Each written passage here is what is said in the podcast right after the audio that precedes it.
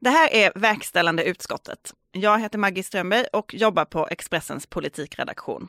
Och eh, det är Viktor Bart Kron också, men du sitter inte i studion idag. Nej, jag sitter hemma och det gör faktiskt även vår tredje medverkande och vi säger välkommen till en debutant på ett sammanträde i verkställande utskottet. Carolina Skoglund, välkommen. Tack så mycket. Precis, jag sitter ju också hemma, men det borde funka bra. Det gör det alldeles säkert. Idag ska vi prata om Sveriges första kvinnliga statsminister, eller ja, i alla fall nästan. Alltså Lena Hallengren, med mera. Häng med.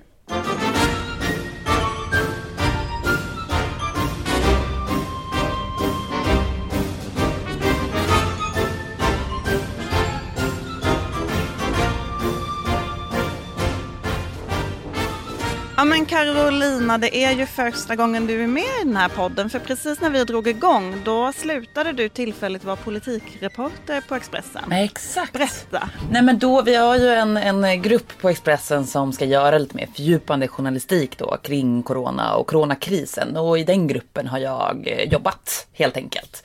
Sen så, är det... så du har varit mer i verkligheten? Ja men exakt, ja det kan man säga. Eller ja, hemifrån då.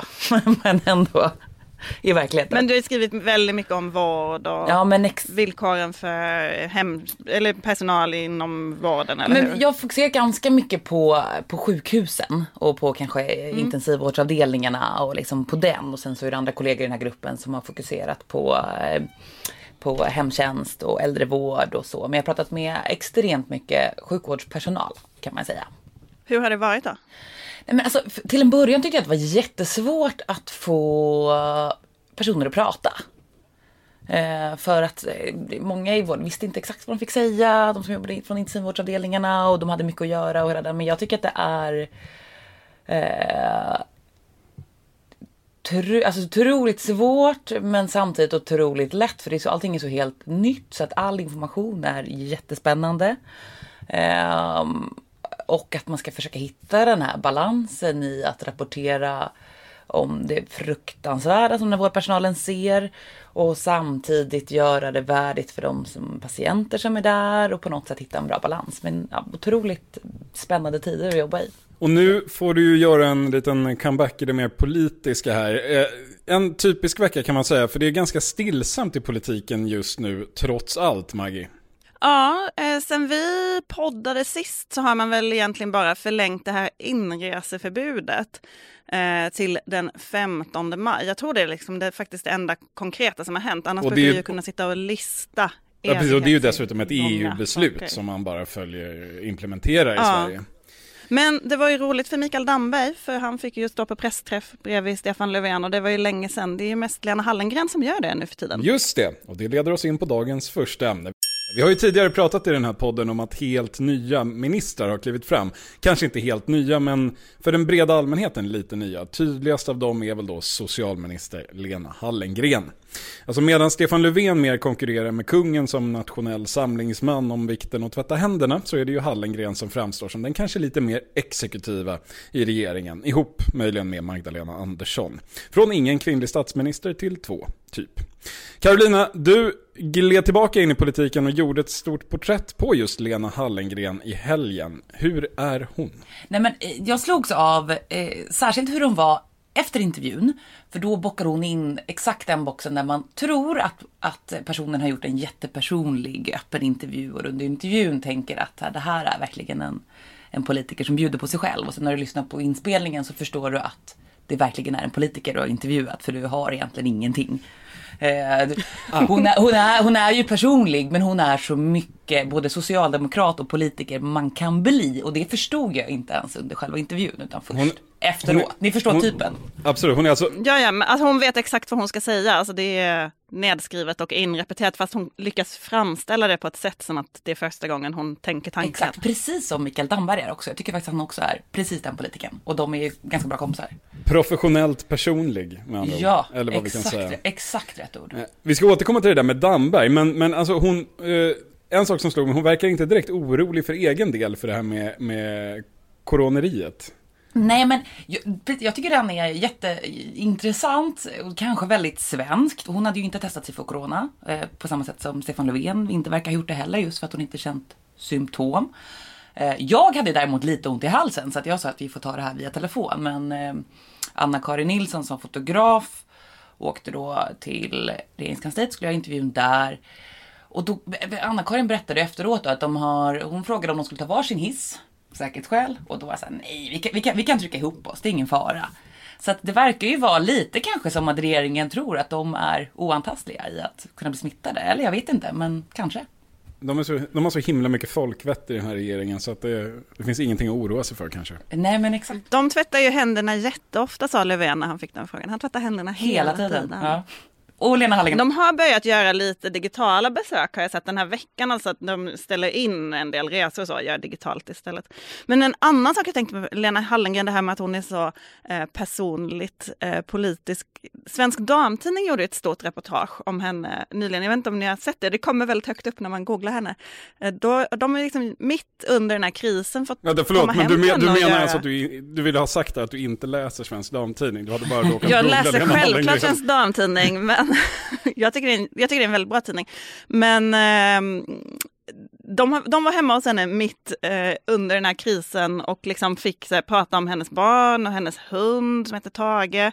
Hon krälar på golvet och klappar hunden på bilderna. Alltså det är så otroligt mycket så här, bjussa på sig själv eh, mitt i en kris. Jag tänker att det också säger något om eh, personlighet och kanske självförtroende att göra en sån sak. Jag tycker att hon bara har väntat på att få en anledning att kliva fram och få den här uppmärksamheten som hon väl egentligen inte riktigt har fått. Som barn äldre jämställdhetsminister så var hon ju ganska, ganska osynlig tycker jag i alla fall.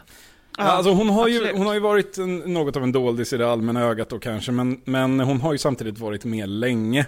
Eh, från 90-talets eh, stridigheter i SSU och minister redan som 28-åring i Göran Persson-regeringen. Men det är väl det där, apropå det där med Mikael Damberg, eh, vi kanske ska uppehålla oss lite vid SSU-striderna i slutet av 90-talet, för hon pratar nämligen om det i intervjun också, eller hur? Ja, men precis. Jag skulle, säga, jag skulle, säga, att hon, hon var ju inte överlycklig kanske över att få frågor om det. Man märker att hon är ganska, ganska, ganska trött på det och var, var ju mer att här, tror eller ej, men det där har jag lämnat bakom mig. Och det var ju som sagt 20 år sedan. Men det finns Det är ingen tid i en socialdemokrats liv. Nej, exakt. Men, men det, det är väl klart att det fortfarande är relevant, tänker jag. Absolut. Alltså jag menar, eh, de sitter ju i regering idag allihopa. Ska, ska vi göra en kort eh, redogörelse för hur då? det såg ut? Vilka som var var? Mm. Ja men eh, de, de, där, alltså de här striderna på 90-talet, de pågick ju under ganska lång tid, så människor kom och gick kan man säga. Men eh, av, Lena Hallengren var ju förbundssekreterare samtidigt som Mikael Damberg var ordförande. Mikael Damberg hade precis innan han blev ordförande varit, eh, suttit i, i valberedningen, jag tror inte den hette så i SSU, men han har liksom varit, varit ansvarig för utnämningspolitik. Och då eh, kuppat Anders Ygeman som trodde att han skulle bli vice ordförande. Eh, men när han kom till årsmötet så var posten vice ordförande struken från dagordningen och SSU hade inte längre en vice ordförande efter att de, då, de hade liksom köpslagit och köpt över Ygemans röster mot att han skulle förbli vice ordförande. Det där är liksom det där handlar ju om vänster och höger. Ygeman var vänster, eh, Damberg var höger, Hallengren var höger. Ju, med Damberg på högerlinjen. Morgan Johansson fanns med i det här också. Han var ju eh, vänster från tunga vänsterdistriktet Skåne. Um, och där fanns det också konflikter och det är ju det, det, som kanske lever kvar, som hon fortfarande får fråga om, det här med bidragsfusket, eller hur? För det pratade ni väl om? Ja men exakt med medlems, med, det handlade ju om att man vill ju att ens egen, eget distrikt skulle få så många eh, medlemmar som möjligt i och med att distrikten har så otroligt mycket makt. Och då blev det upplösta medlemssiffror och så vidare. Och i, för varje medlem så får man ju ett statligt stöd. Och därför blev bland annat Lena Hallengrens distrikt Kalmar eh, anmält för eh, bedrägeri och det gjordes en förundersökning. Och det var fler distrikt som det gjordes förundersökning kring just det här.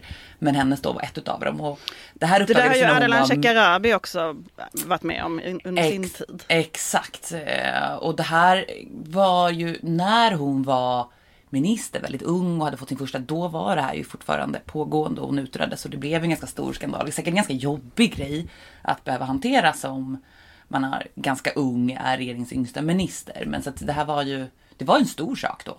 Men det var ju ett, ett liksom, jag läste eh, igår en, en, en, bok om det här, eh, skriven av vår poddkollega Torbjörn Nilsson. Han har skrivit eh, om själva SSU-striderna och just alla de här personerna finns ju med där. Ehm, och hur de liksom allt i deras liv gick ju ut på just att så här, få, en viss, få ett visst distrikt, vinna en viss sida, eh, liksom Ja men till exempel i Skåne där man då försökte blåsa upp Helsingborgsdelen som var höger för att liksom ta bort vänsterdelen där Luciano Astudillo kom ifrån, han som kandiderade mot Damberg och Hallenberg. Allting var liksom fulspel på alla nivåer och och de här människorna växte ju upp i det och har präglats jättemycket av det. Sen så säger ju Hallengren i din intervju att hon är vän med Ygeman idag, eller hur? Ja, exakt, exakt. Eh, och det är hon väl kanske. Men hon säger ju framförallt att hon är vän. Hon börjar ju med att säga att det är Damberg som hon är närmst. Att det är Ibrahim Baylan som också var med och som var på hennes sida. Just det. Så att den är ju... Ehm, jag tror att det är ganska viktigt för de som var med mest i den att visa att vi alla är vänner idag. Och man, jag menar, det var ju inte så länge sedan Eh, Mikael Damberg försökte bli partiordförande och blockades till stor del på grund av det som hände i SSU och sen kom Håkan Juholt istället. Men ja, Så precis, för nu, nu, nu man kommer ju o, oundvikligen in på det här med Stefan Löfvens efterträdare, ett favoritämne inte bara i den här podden utan i alla andra politiska sammanhang i Sverige. Eh, det finns ju i partiet en efterfrågan på att nästa partiledare ska vara en kvinna. Man tycker ju att det är dags. Eh, Lena Hallengren seglar ju upp nu som, en, som ett starkt namn i partiet. Men har hon då samma problem som Mikael Damberg hade då? Kommer de här, det här gamla käbblet fortsätta stå i vägen för, för tänkbara kandidater till eh, ordförandeskapet? Vad tror ni om det? Alltså det intressanta är att hon till en början så kandiderade Lena Hallengren till att bli ordförande för SSU och inte förbundssekreterare. Eh, även då pratade man om att SSU behöver en kvinna Helena Hallengren är ett bra namn. Eh, men sen när den här striden intensifierades allt mer så ställde sig högerdistrikt bakom Damberg och hon fick då kandidera till sekreterare ihop med honom istället. Eh, det skulle ju vara intressant om det där hände en gång till, liksom, om man, om man började prata, det pratas ju alltid om att det behövs en kvinna och sen så Eftersom de har en tendens att välja män. Damberg istället. Ja. Ja men, men Lena Hallengren stod ju inte lika i frontlinjen på samma sätt som Damberg gjorde och det kanske är till hennes fördel i en sån här strid att hon inte liksom är lika tydlig högerprofil på samma sätt som Damberg var i de här striderna eller betedde sig på det sättet som kanske vissa tyckte att Damberg betedde sig. Men jag... Samtidigt var hon ju förbundssekreterare och de höll, jag vet inte exakt vad Lena Hallengren gjorde under sin tid ska jag vara noga med att säga, men det var ju ofta förbundssekreteraren som ägnade sig åt fulspelet liksom. Det är ju den rollen man ofta har. Ska vi eh, binda ihop det här ändå? Jag, jag, jag tänker, Lena Hallengren kom ju då in i Göran Persson-regeringen redan som 28-åring som förskoleminister. Däremot kom hon inte med i Stefan Löfvens första regering 2014 och var väl ganska besviken över det och kanske även förvånad Karolina. Ja hon sa i när jag gjorde researchen, var det en intervju 2014 som hon sagt att hon var besviken och innan eh, det var klart vilka som skulle bli ministrar i den här regeringen var det ju många som spådde Lena Hallengren som just socialminister då. Så hon fick ju vänta till 2018. Men varför? Innan... Har, kom ni in på det? Vad berodde det på? Nej, vi pratade inte så mycket om varför. Jag tror, jag tror att hon kanske inte har några svar på varför egentligen heller. Um... Det är ju intressant ändå, för den, just den regeringen fick ju mycket kritik för att, eller kritik, men det diskuterades ju att det var ganska få med ministererfarenhet. Ja, verkligen. Hon hade ju hon... det. Uh, nej, vi pratade faktiskt inte om det, men, det, men det, det hade ju varit intressant. Frågan är om Eh, för det var ju inga, inga större skandaler eller något sånt, förutom i och för sig då medlemsfusket och allt det där uppdagades under hennes första ministerperiod.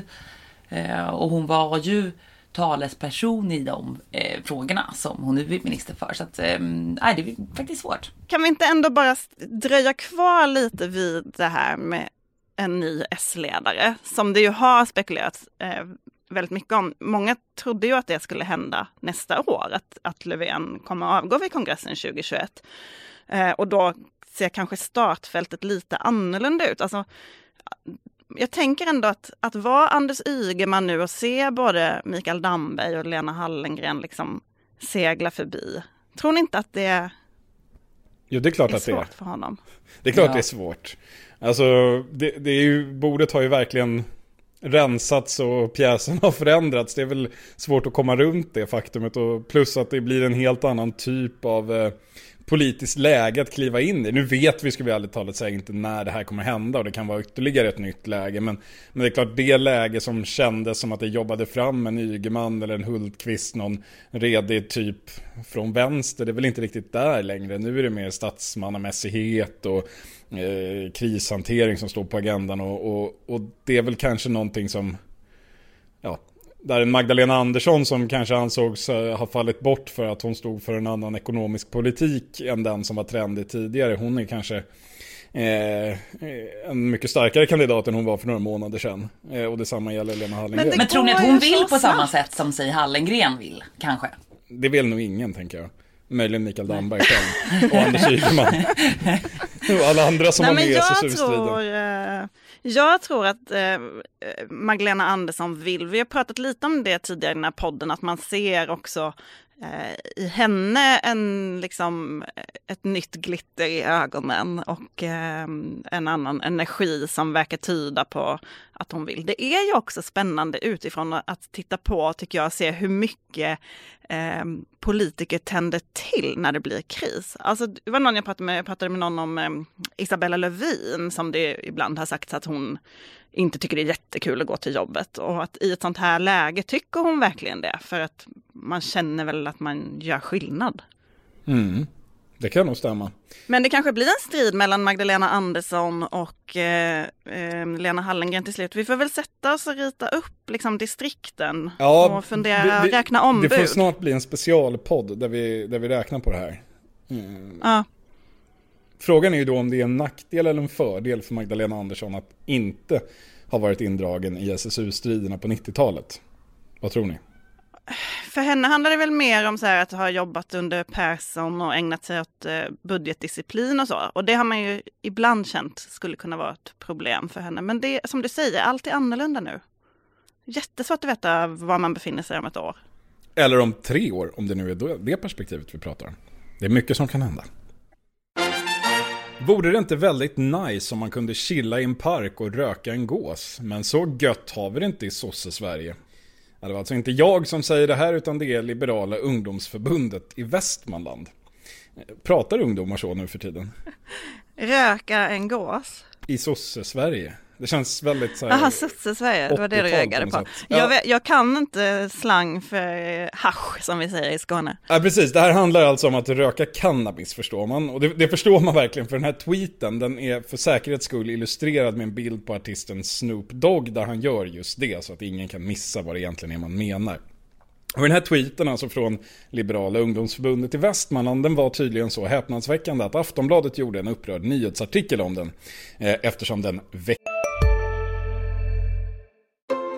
Just nu pågår vår stora season sale med fantastiska priser på möbler och inredning. Passa på att fynda till hemmets alla rum, inne som ute, senast den 6 maj. Gör dig redo för sommar. Välkommen till Mio. CSRD, ännu en förkortning som väcker känslor hos företagare.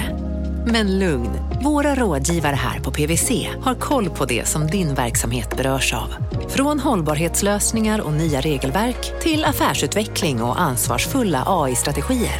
Välkommen till PWC. Känslor. Oklart vilka känslor dock, det finns ju ganska många sådana. Vilka kände ni? Vilka känslor kände ni inför den här tweeten? alltså jag kände att hela den här settingen, just med bilden och röka en gås, det känns väldigt mycket, ja, men lite som Joar Forsell i Almedalen i somras som var utklädd till en eh, stor cigarett Eh, och det var för att protestera då mot det här rökförbudet på Just det, dåvarande ordförande i Liberala ungdomsförbundet. Exakt, mm. exakt. Sen visade det sig att han hade ju astma och aldrig rökt i sitt liv. Men det här var, vik det här var viktigt liksom i den liberala andan. Och det känns ju lite så att använder man termen röka gås och ta en bild på Snoop Dogg. Han har aldrig varit i närheten av det här. Det känner jag i alla fall. Det kanske han har. Men, men han vill ju verkligen trycka snarare mer på det frihetliga snarare än att mm. egentligen säga någonting. Så kände jag i alla fall. Hade du... Om man är en person som röker gås, då kanske Skriver man inte bryr sig om sosse Sverige. Liksom. Nej, precis. Det, det, det, här kan ju tyckas vara ett, ett struntämne, det är, men, men jag tycker det är rimligt att vi pratar om något annat, åtminstone några minuter än corona i den här podden. Eh, och jag ser åtminstone två ingångar på det här, vara i alla fall en är allvarlig. För det första, det anknyter till det ni säger. Det är något fint med Liberala ungdomsförbundet här. Det, det är förmodligen de enda 20-åringarna i Sverige som vill knarka, men som motvilligt avstår eftersom det faktiskt fortfarande är förbjudet. Det, det är fint att de kan samlas där och hitta stöd i varandra. Eh, men för det andra så fick det här med att fundera på tillståndet för den, eh, vad, vad vi nu ska säga, lite mer handgripligt frihetliga politiken i Sverige. Som har haft motvind. Alltså coronakrisen har ju lite oväntat, kanske mest Att, oväntat. där kom corona ändå. Ja, just fan. Eh, Men eh, det, jag sa ju några minuter, Jag- det kanske blev Ah, 40 ja, men då så. 40-50 sekunder. Då. Men alltså, coronakrisen har ju lite oväntat, kanske mest oväntat för regeringen själv, gjort Sverige till västvärldens rock'n'roll-land. Alltså istället för att vara de här tråkiga och prudentliga där uppe i norr så är vi numera Europas dekadenta livsnjutare på en kontinent dominerad av prusiluskor som låser in folk och folk som vill bli inlåsta av prusiluskor. Alltså man kan såklart diskutera hur rimlig den här bilden är, men vi verkar allmänt gilla den där rollen lite grann, verkar det som, på opinionen och i debatten. Eh, men vi backar väl kanske inte upp den särskilt väl till vardags i politiken. Alltså jag tänker så här, Alltså du menar vi gillar... Vår nya gillar image. Liksom vara Europas bad boys. Ja, exakt. Det, det är som att många svenskar blir lite pirriga över det. det. Det är den känsla jag har. Vi som inte ens har fått dricka öl på trottoaren innan. Exakt, och det, det är precis liksom. det jag menar. Alltså riksdagen har åtta partier, inget av dem vill ens lägga ner det statliga alkoholmonopolet. Eh, alltså, eh, Moderata ungdomsförbundet tvingade visserligen moderpartiet att formellt vilja ha söndagsöppet eh, på stämman i höstas, alltså på, på Systembolaget då. Eh, men det här blev förstås hånat i den allmänna debatten som sånt brukar bli och partiledningen har inte direkt velat skryta med den ståndpunkten. Det finns ju så mycket viktigare saker. SD, det är ett populistiskt parti absolut, men absolut inte på det sättet. De vill inte krossa sosse-Sverige, de vill återupprätta sosse-Sverige till en tid när det var mer auktoritärt, och det säger de ju till och med själva. Miljöpartiet och Centern, de tänker ju som alltid främst på barnen och Liberalerna, alltså partiet, de är som sagt, som vi brukar säga, folkpartister, det vill säga. eh, Men jag måste ändå invända alltså. Jaha. det var ju typiskt. För att, nej men det var ju ändå ganska nyligen som ett enigt socialutskott bestämde sig för att utreda narkotikapolitiken. Utredare. Visserligen så sa Lena Hallengren, som ju även detta handlar om, eh, att hon, det blir en utredning men man ska inte titta på avkriminaliseringsfrågan. Så att, oklart vad utredningen ska ägna sig åt. Men, men det finns ju en... Det, Jag det tror inte att den kommer att landa i att man ska kunna röka en gås eh, i en park som Snoop Dogg och krossa sosse-Sverige. Eh, Lena Hallengren inte. känns inte som den typen och inte så många andra heller. Men jag tänker, alltså, och, och det här har ju haft motvind. Så fort den, den här typen av förslag kommer upp eh, så blir det det här, men herregud, de är ju galna. Eh, varför, alltså det blir ett så här allmänt raseri mot ungdomsförbunds lokalavdelningar för att de ens lyfter frågan om att till exempel då legalisera cannabis, vilket är faktum i ganska många eh, i övrigt normala västländer. Men när den här akuta krisen lägger sig och när folk sitter där ändå med uppdämda behov eh, efter en sommar där allt kul trots allt, trots att vi i Sverige har varit inställt. Är det verkligen otänkbart att det finns ett fönster för någon som är lite mer luff Västmanland? Alltså att åsiktskorridoren flyttas åtminstone lite grann. Att I just cannabisfrågan? Nej, eller liksom egentligen inte. generellt? Jag ser det mer som en, som en symbol för någonting. Att så här, det kan bli ett Politiken i annat största allmänhet. Ja, eh, gamla klassiska såna här, jag menar när, när Ny Demokrati kom in i riksdagen, då, då var ju det, ja det fanns ett invandringsmotstånd, men det var ju mer det här liksom nej till lapplisor och, och en allmän sån här, eh, vi hatar Mm. förmynderiet. Det där finns ja. ju överhuvudtaget inte. Den politiska vinden blåser ju hela tiden från andra hållet. Vi vill ju ha mer enhetliga värderingar och så, men, men jag vet inte, jag, jag vill bara, jag vill lägga en spekulation på bordet så att jag ska kunna säga vad var det jag sa, eventuellt. Eh, Kan det här bli ögonblicket där vi återupptäcker vår frihetliga sida? Alltså jag tänker att det kanske inte är ögonblicket där politikerna upptäcker den frihetliga sidan, och, utan snarare kanske där svenskarna, väljarna, blir små rebeller som på något sätt tar saker som rekommendationer istället för beslut och tydliga, ty, tydliga lagar och regler. Och om man ser till under den här tiden så vet man inte riktigt om det. Så hur det är med, blir med eh, p-böter. Det är gratis att åka buss. Man, smäller, man går igen buss, alltså vid dörrarna bakom. Man eh, kan ha sina barn som har skolplikt hemma. Om man följer en partiledare har jag gjort det till exempel. Utan jag, jag, tror mer att man kommer experimentera med vad som egentligen är regler och inte vad som är lagar och inte. Och att man kanske mer, ja men på individnivå är mer frihetlig. Eller vad tror ni? Ja men, och det var, och det, Ja men intressant. Ja, men Just det är lite precis det jag far bussarna, Ja. Och då att det sen kan komma i nästa steg någon form av politisk entreprenör och, och kanske kapitalisera lite på det. Men, jag, men det, är ja. intressant, då är, vi ändå, då är vi ändå på samma linje. Ja, Maggie, ja. ska du säga emot nu igen? Eh, nej men jag tyckte att eh, det var en eh, stark spaning av Carolina att vi gör ju redan det.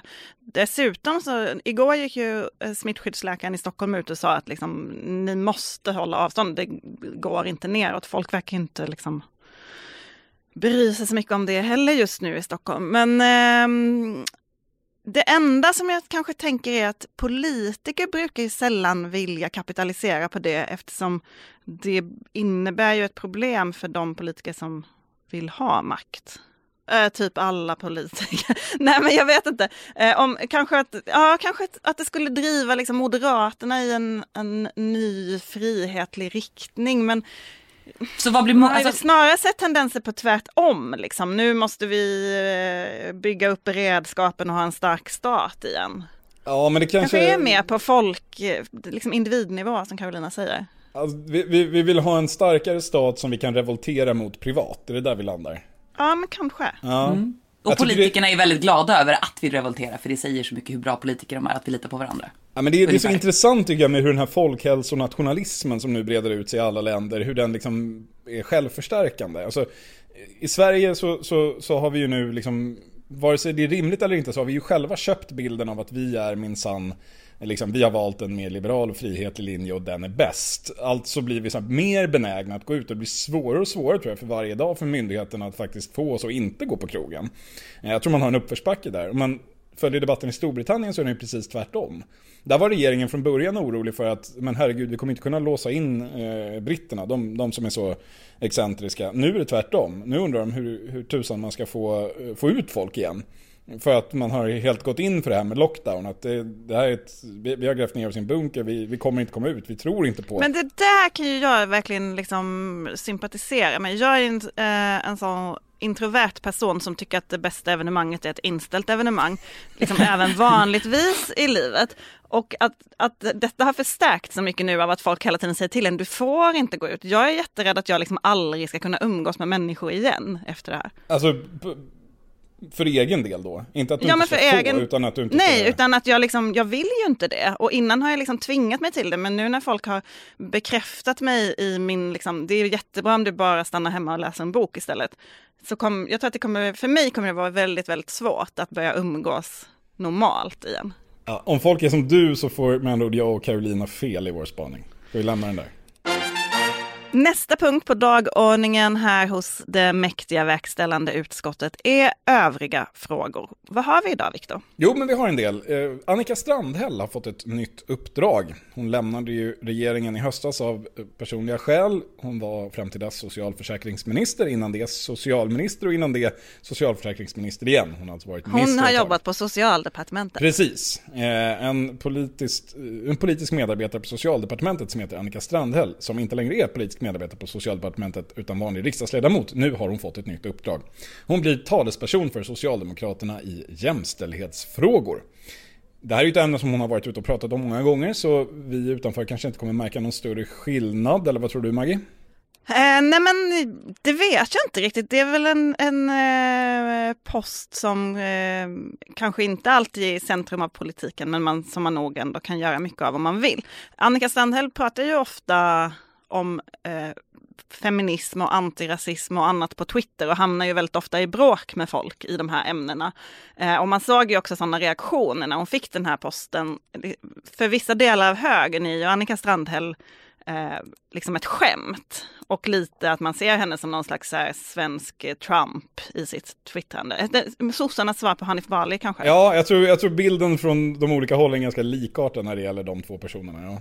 Ja, och men jag, och, men jag tänkte på, jag var med eh, Annika Strandhäll under regeringsbildningen så gjorde jag en dokumentär för Sveriges Radio om regeringsbildningen och då följde jag massa olika personer och Annika Strandhäll var en av dem. Hon blev bortklippt sen men eh, det var i alla fall intressant för jag var med henne på ett medlemsmöte någonstans i södra Stockholm där det var typ 20 eh, S-kvinnor eller folk som ville eh, liksom var intresserade av att gå med i partiet. Och det var så intressant att se hur de reagerade på henne för de liksom hade henne som en stor idol.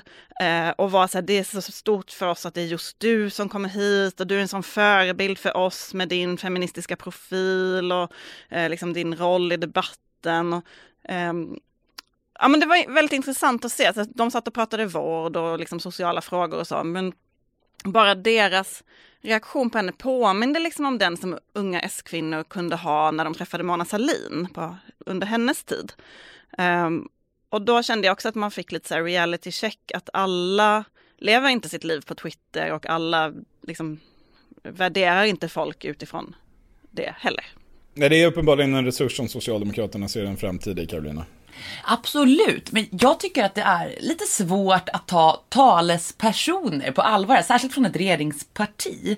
För det känns ibland som att det blir eh, nu var det ett oppositionsparti, men när Filippa Reinfeldt blev talesperson för hbtq-frågor. Det känns mer som att vi vill att hon ska ha någonting och så du får någonting. Och nu har ju Miljöpartiet posten som jämställdhetsminister. Men jag tror att det blir så svårt att få fokus. Att det är mer att här, här har du någonting. Och det är en viktig fråga för Socialdemokraterna, absolut. Men jag tror ju mer att det är att man vill ha en person i en central profil än att som just har... Precis, hon har ju en förmåga att eh, att tala redan som det är. Så det är väl mer att man vill ha en, eh, ett formellt kvitto på att hon är fortfarande en viktig företrädare i debatten. Och... Ja, nej men exakt, exakt. Och jag vet inte tusan hur. Eh, men ja, som sagt, det är, väl, det, är väl, det är väl fint att hon får en tydlig roll igen än bara vara riksdagsledamot. Liksom. Men...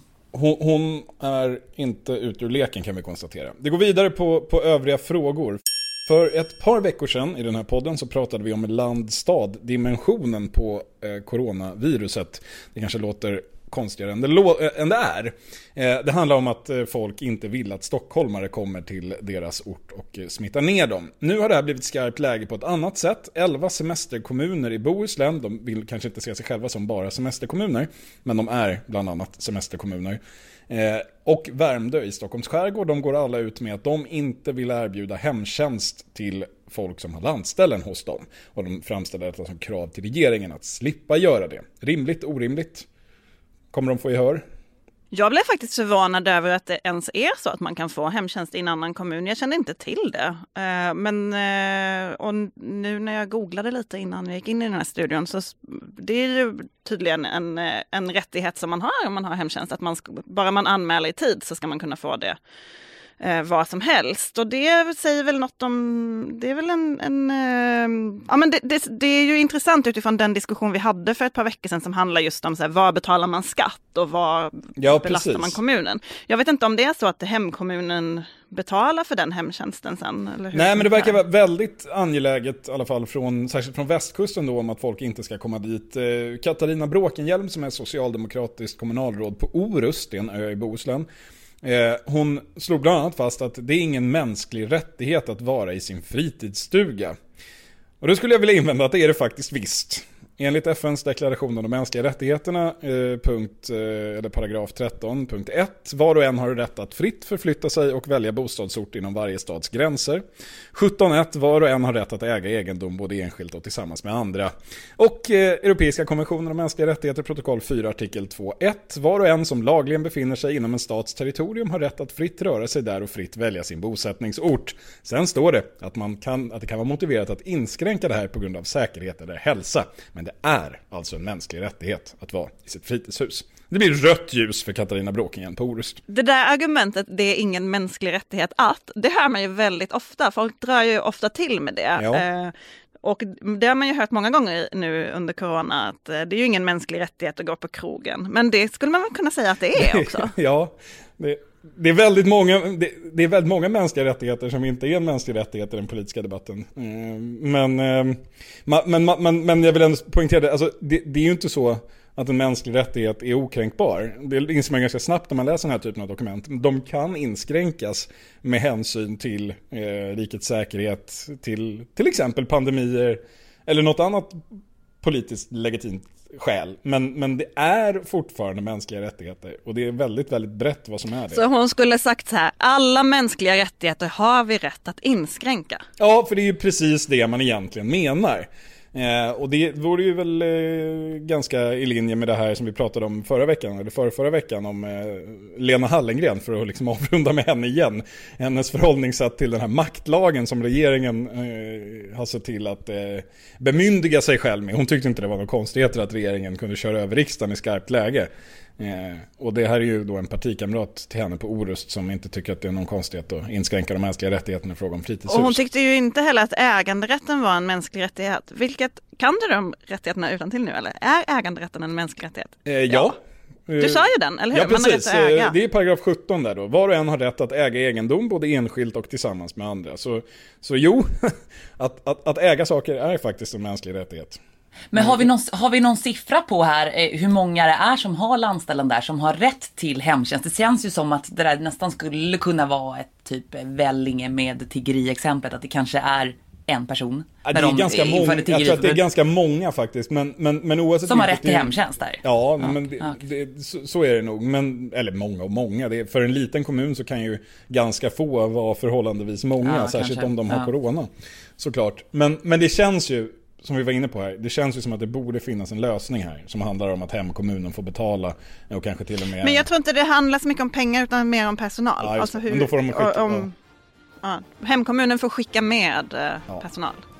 Verkställande utskottets sammanträde är över för den här veckan. Eh, du har lyssnat på Viktor Bart Kron, på Carolina Skoglund och på Maggie Strömberg. Vi hör oss igen, som vanligt, om en vecka. Varje onsdag sammanträder vi. Vi hörs igen då.